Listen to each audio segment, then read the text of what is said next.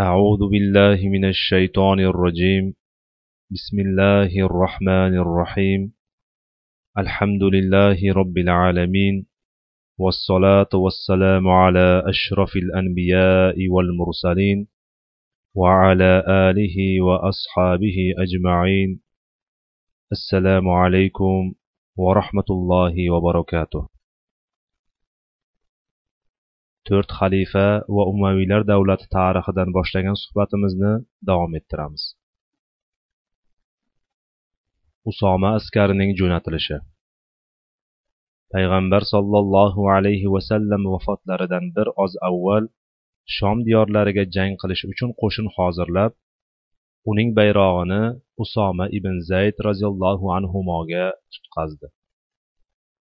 Rasululloh sollallohu alayhi vasallam uni yoshi kichik ya'ni o'n sakkiz yosh bo'lishiga qaramay otasi zayd ibn xorisa roziyallohu anhuning jihodini va u kishining muota jangida shahid bo'lib ketganini hurmatlab uni bu yurishning yetakchiligiga ixtiyor qilgan edi.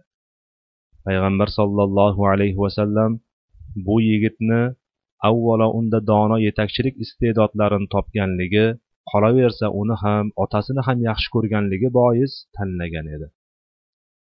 Ha shunday. Musulmon kishi yaxshi ko'radigan kishisiga jihoddan qo'rqib uni to'sib qolmaydi. Balki uni jihodga undaydi. Yo g'alaba yo olloh yo'lida shahidlik.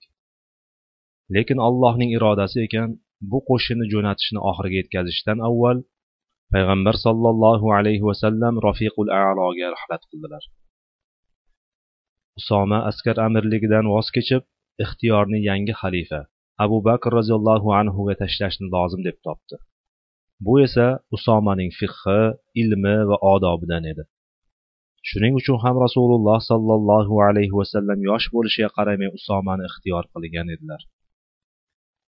Rasululloh sollallohu alayhi vasallam musulmonlarga biron kimsani amir qilib tanlagan bo'lsalar albatta o'sha shaxs o'sha ishga loyiq bo'lgan.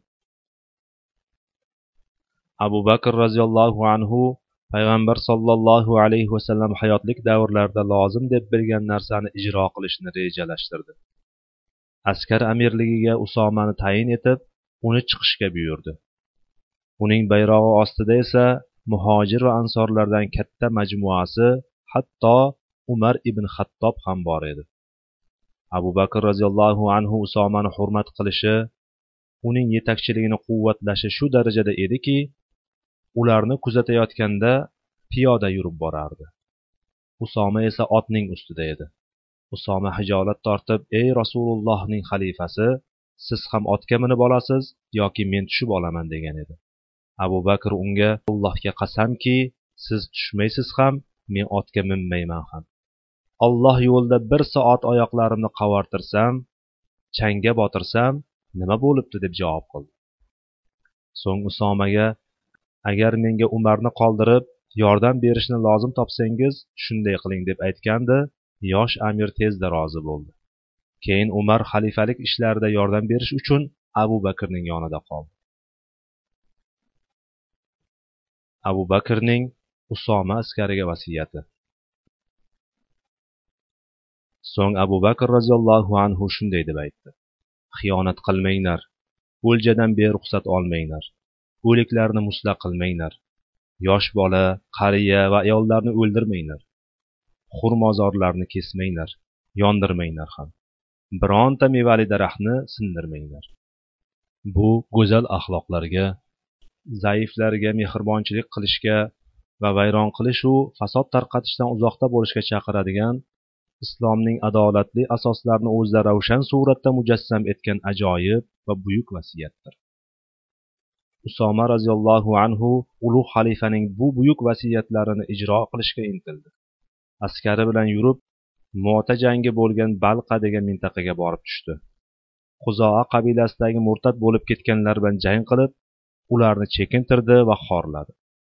Qarshisida turgan din dushmanlarini yo'q qilib chiqqaniga yetmish kun bo'lganidan keyin madinaga qaytdi. Usoma askarining jo'natilishining ta'siri. Shunday qilib usoma askarning jo'natilishi yaxshilik va baraka bo'ldi.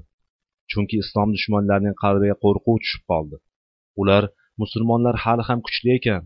Payg'ambarning vafotidan keyin ham ularga zaiflik kirmabdi sarosimaga tushmabdi deb o'ylab musulmonlarga qilmoqchi bo'lgan hiylalaridan qaytishdi. Ridda harakati va abu bakr roziyallohu anhuning unda tutgan o'rni. Ridda ya'ni murtadlik harakati.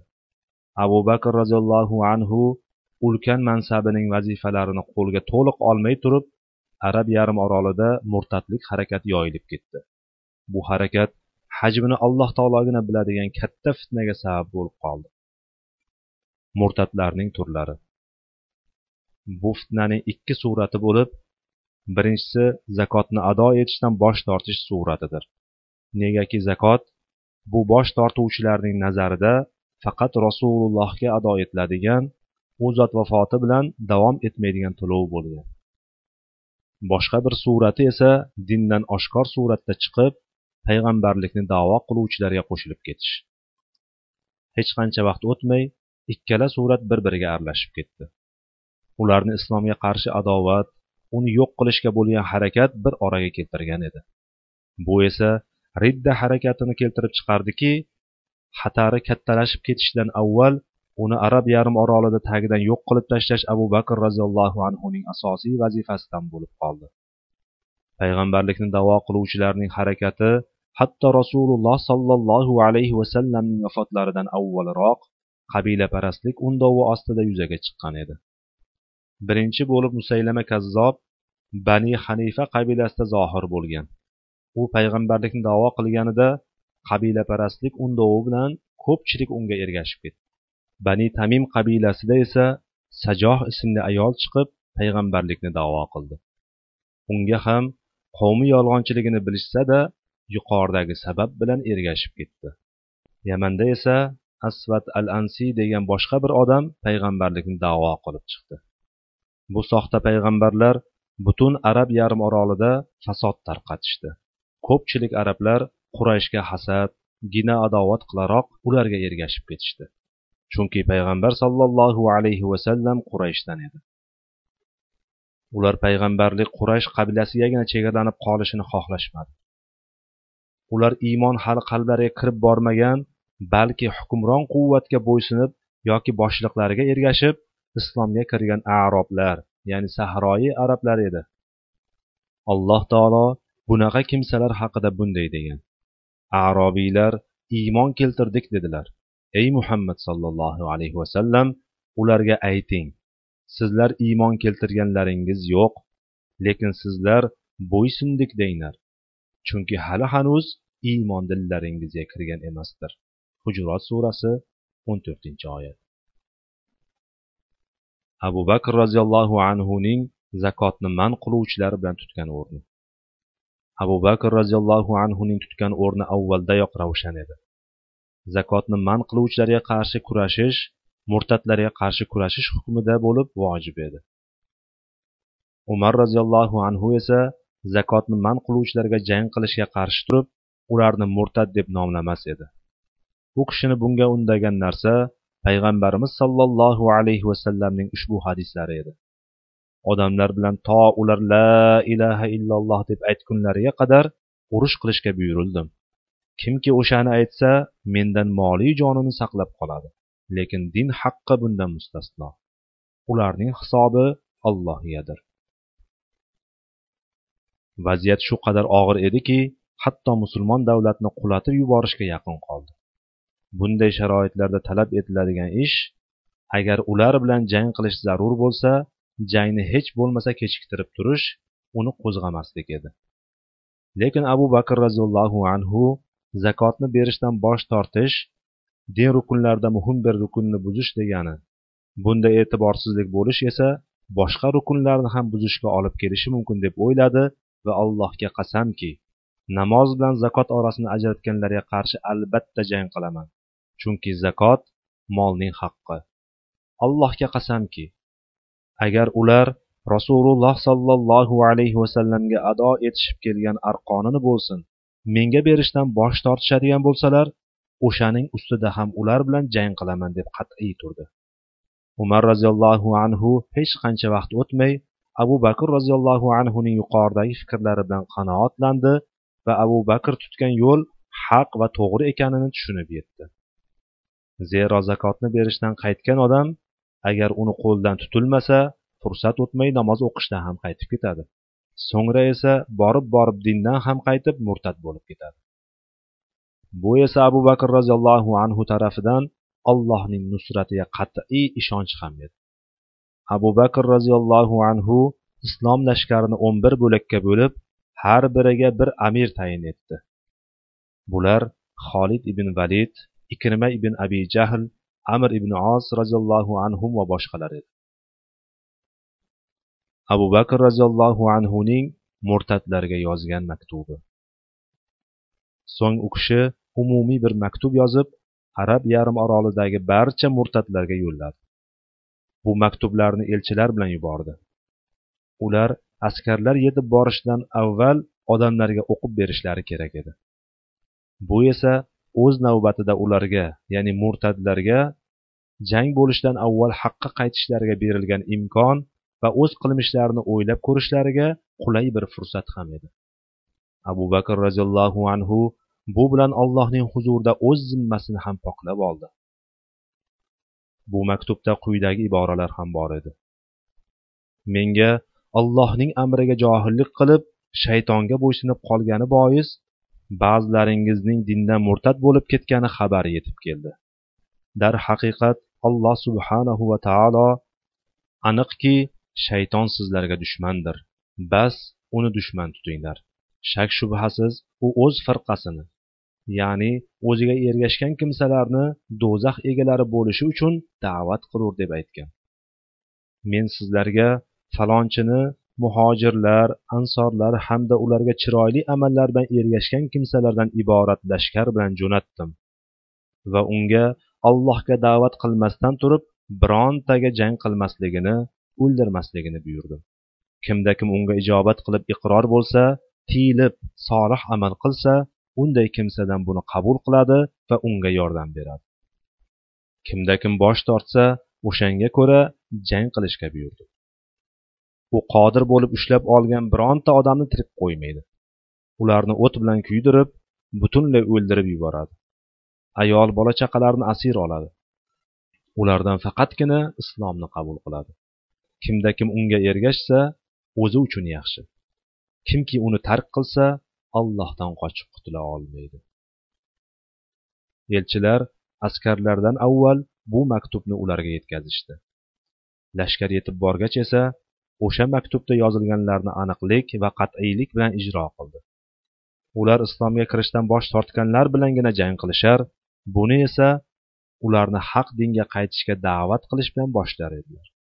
Kimda kim ularga ijobat qilsa uni tark etishar u bilan xursand bo'lib yordam ham berishar edi.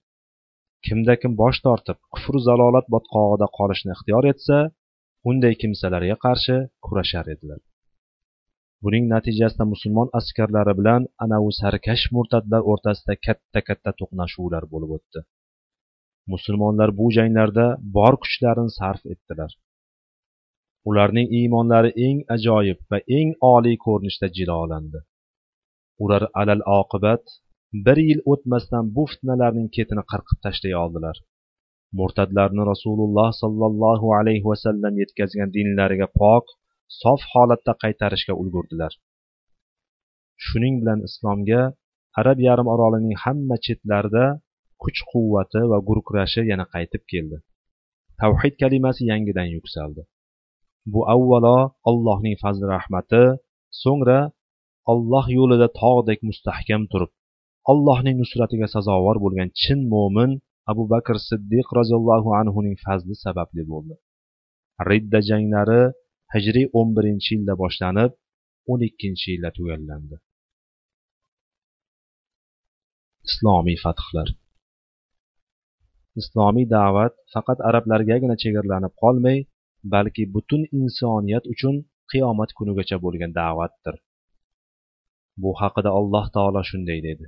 Ey muhammad sollallohu alayhi vasallam biz sizni shak shubhasiz barcha odamlarga mo'minlarga jannat haqida xushxabar eltguvchi kofirlarni esa do'zaxdan ogohlantirguvchi bo'lgan holingizda payg'ambar qilib yubordik. Lekin ko'p odamlar bilmaslar.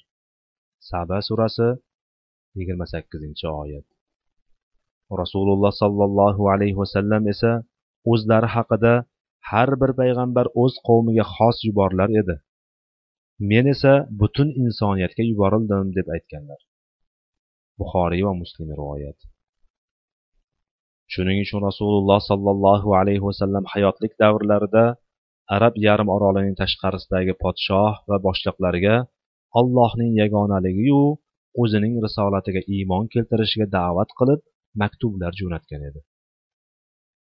Rum podshosi heraql va fors imperatori kisro ham shular jumlasidan bo'lib ikkalasi ham o'sha paytlarda bu olamdagi eng buyuk quvvatni shakllantirar edi.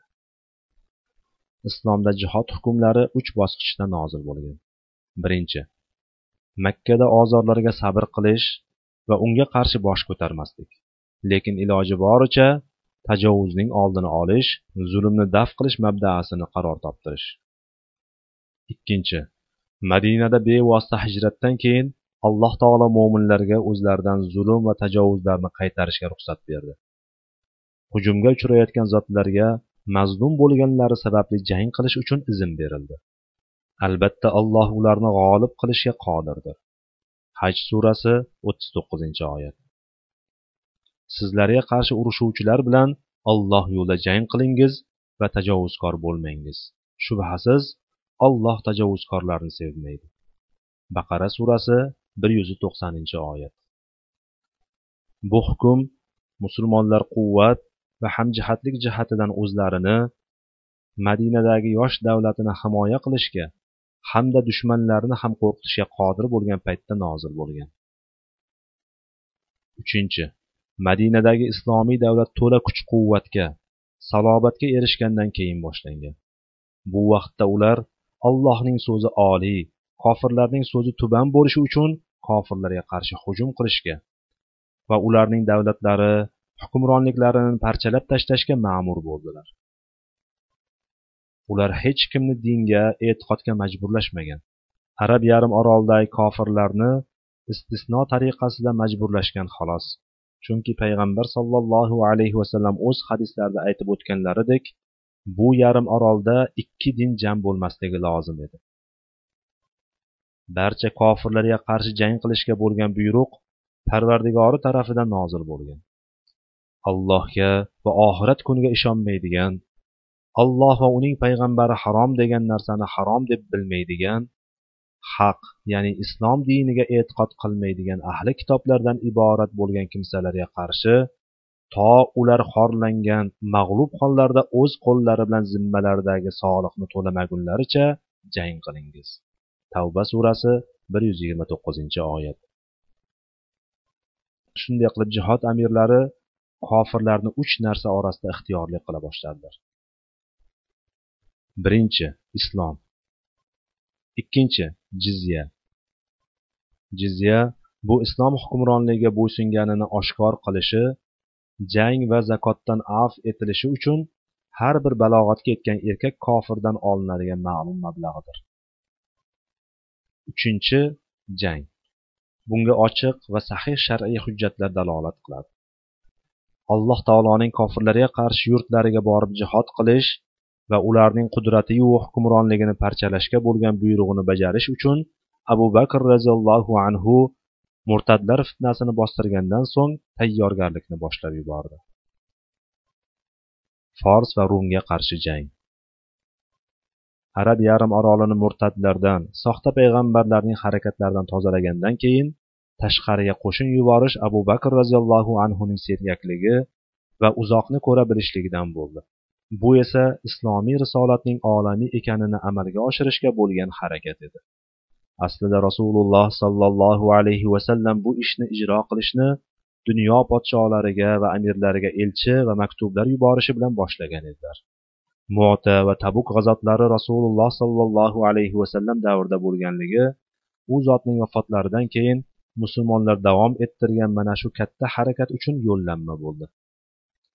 Abu bakr roziyallohu anhu ortida nafslarini obod etgan mustahkam iymonu alloh yo'lidagi jihodga bo'lgan ishtiyoq hamda to'g'ri tayyorgarligu yetuk boshqaruv bilan mana shu ish harakatini boshlashga kirishdi. U kishi mana bu katta harakatni o'zining to'g'ri yo'nalishiga yo'naltirdi. Bu olloh yo'lidagi jihod va u zotning so'zlarini oliy qilishga harakat edi. Abu bakr roziyallohu anhu bir vaqtning o'zida ikki tarafga nasroniy rum va majus fors davlatiga qarshi urush ochdi.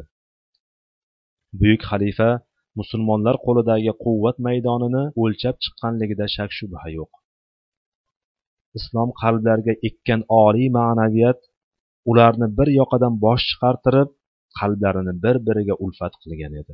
Shu bois din va haq kalimalari oliy bo'lishi va islomiy da'vatni yoyish yo'lidagi qiyinchilik va mashaqqatlarni yelkadosh bo'lib ko'tarar va allohning yo'lida shahid bo'lishni xursand holatda qarshilar edilar. Ana o'sha paytlar rum va fors davlatlari juda buyuk va saltanatli qudratli bo'lib askarlari qurol aslaha bilan jihozlangan jang qilishga tajribalari bor edi. Shunday bo'lsa da bu ikki buyuk kuchlar islomga kirib uning odoblariyu ta'limotlaridan sug'orilgan musulmon jangchilar qarshisida turishdan ojiz edilar. Zero bu ta'limotlar allohning yo'lidagi mujohidlar uchun ikki yaxshilikning biriga erishishni kafolatlaydi. G'alaba qozonib dunyoda g'animatlarga ya'ni o'ljalarga erishish yoki olloh yo'lida shahid bo'lish. Alloh taolo bu haqida quyidagilarni aytadi. Ey muhammad sollallohu alayhi vasallam ayting sizlar biz uchun faqat ikki yaxshilik ya'ni yo shahid bo'lishimiz yoki g'alaba qilishimizdan birini kutmoqdasiz. Biz esa sizlar uchun olloh sizlarga o'z dargohidan yoki bizning qo'limiz bilan bir azob yetkazishini kutmoqdamiz. Bas sizlar ham kutaveringlar biz ham sizlar bilan kutguvchimiz. Tavba surasi ellik ikkinchi oyat.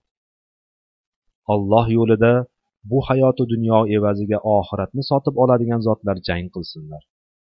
Kim olloh yo'lida jang qilib o'ldirilsa yoki g'alaba qilsa biz unga ulug' mukofot ato etajakmiz niso surasi yetmish to'rtinchi oyat. Bunga qo'shimcha musulmon askarlarning haqiqiy erkak ekanliklari hamdir. Ular har qanday muhit o'zgarishlaridan hech cho'chimasdan zaiflashmasdan shahdam qadam bosar edilar. Bu allohning qazoyi qadariga to'la ishonish bilan bo'lardi. Bu narsa ularni hech ikkilanmay va qo'rqmasdan dushmanlariga yo'liqishga undar edi. Albatta allohning qazosi shak shubhasiz bitilgan zero alloh o'zining qazoyi qadariga inongan kimsaga doim yaxshilikni iroda qiladi. Dushman askarlari ichida bu kabi iste'dod va ma'naviyat topilmasdi. Ular bu kabi sifatlarga ega ham emasdilar. Mana shuning uchun abu bakr roziyallohu anhu islomiy askarlarni bir vaqtning o'zida rum va forsga qarshi urush qilishidan ko'ngli to'q edi. Bu esa kutilayotgan maqsad. Zulmat qoplab olgan ushbu diyorlarda allohning so'zini ustuvor qilish islom dinini yoyishga erishish va ana shu dushmanlar ustidan g'alaba qozonishga bo'lgan musulmon jangchilarning quvvatiga to'la ishonch hosil qilishdan kelib chiqqan. Abu bakr roziyallohu anhu forsga qarshi urushga jo'natgan askarning boshlig'i mohir sarkarda xolid ibn valid roziyallohu anhu edi. Xolid furot daryosi janubida joylashgan qabilalarni bo'ysundirishga qodir bo'ldi va xira shahrini egalladi. Uni boshqaruvi uchun markaz qildi. Forsni qattiq talofatga uchratgandan keyin iroq shaharlarining ko'pini egalladi. Rum va shom shaharlariga yuborilgan askarlar boshida musulmon sarkardalardan abu ubayda omir ibn jarroh yazid ibn abi sufyon amir ibn Oz va shurahbil ibn hasana roziyallohu anhular edi. Askar son va tayyorgarlik jihatidan ortiqroq bo'lib ular qirq ming atrofida edi. Bu forsga yuborilgan askardan bir necha barobar ortiq edi. Rum ularga qattiq tayyorgarligi bilan katta sonli qo'shin ya'ni ikki yuz ming askar bilan yo'liqdi. Holatning jiddiyligini anglab yetgan abu bakr ularga xolid ibn validni yordamga yuboradi. Xolid iroqdan shomga qarab yo'l oldi. U kishi sahroni bosib o'tib rum bilan bo'lgan jangda o'zining unutilmas jasoratlarini ko'rsatdi. Bu jang yarmuk jangi edi yarmuk jangi voqealari bilan inshaalloh kelajak suhbatlarimizda gaplashamiz suhbatimizga mana shu yerda yakun yasaymiz vallohu taala alam سبحانك اللهم وبحمدك أشهد أن لا إله إلا أنت أستغفرك وأتوب إليك وآخر دعوانا أن الحمد لله رب العالمين والسلام عليكم ورحمة الله وبركاته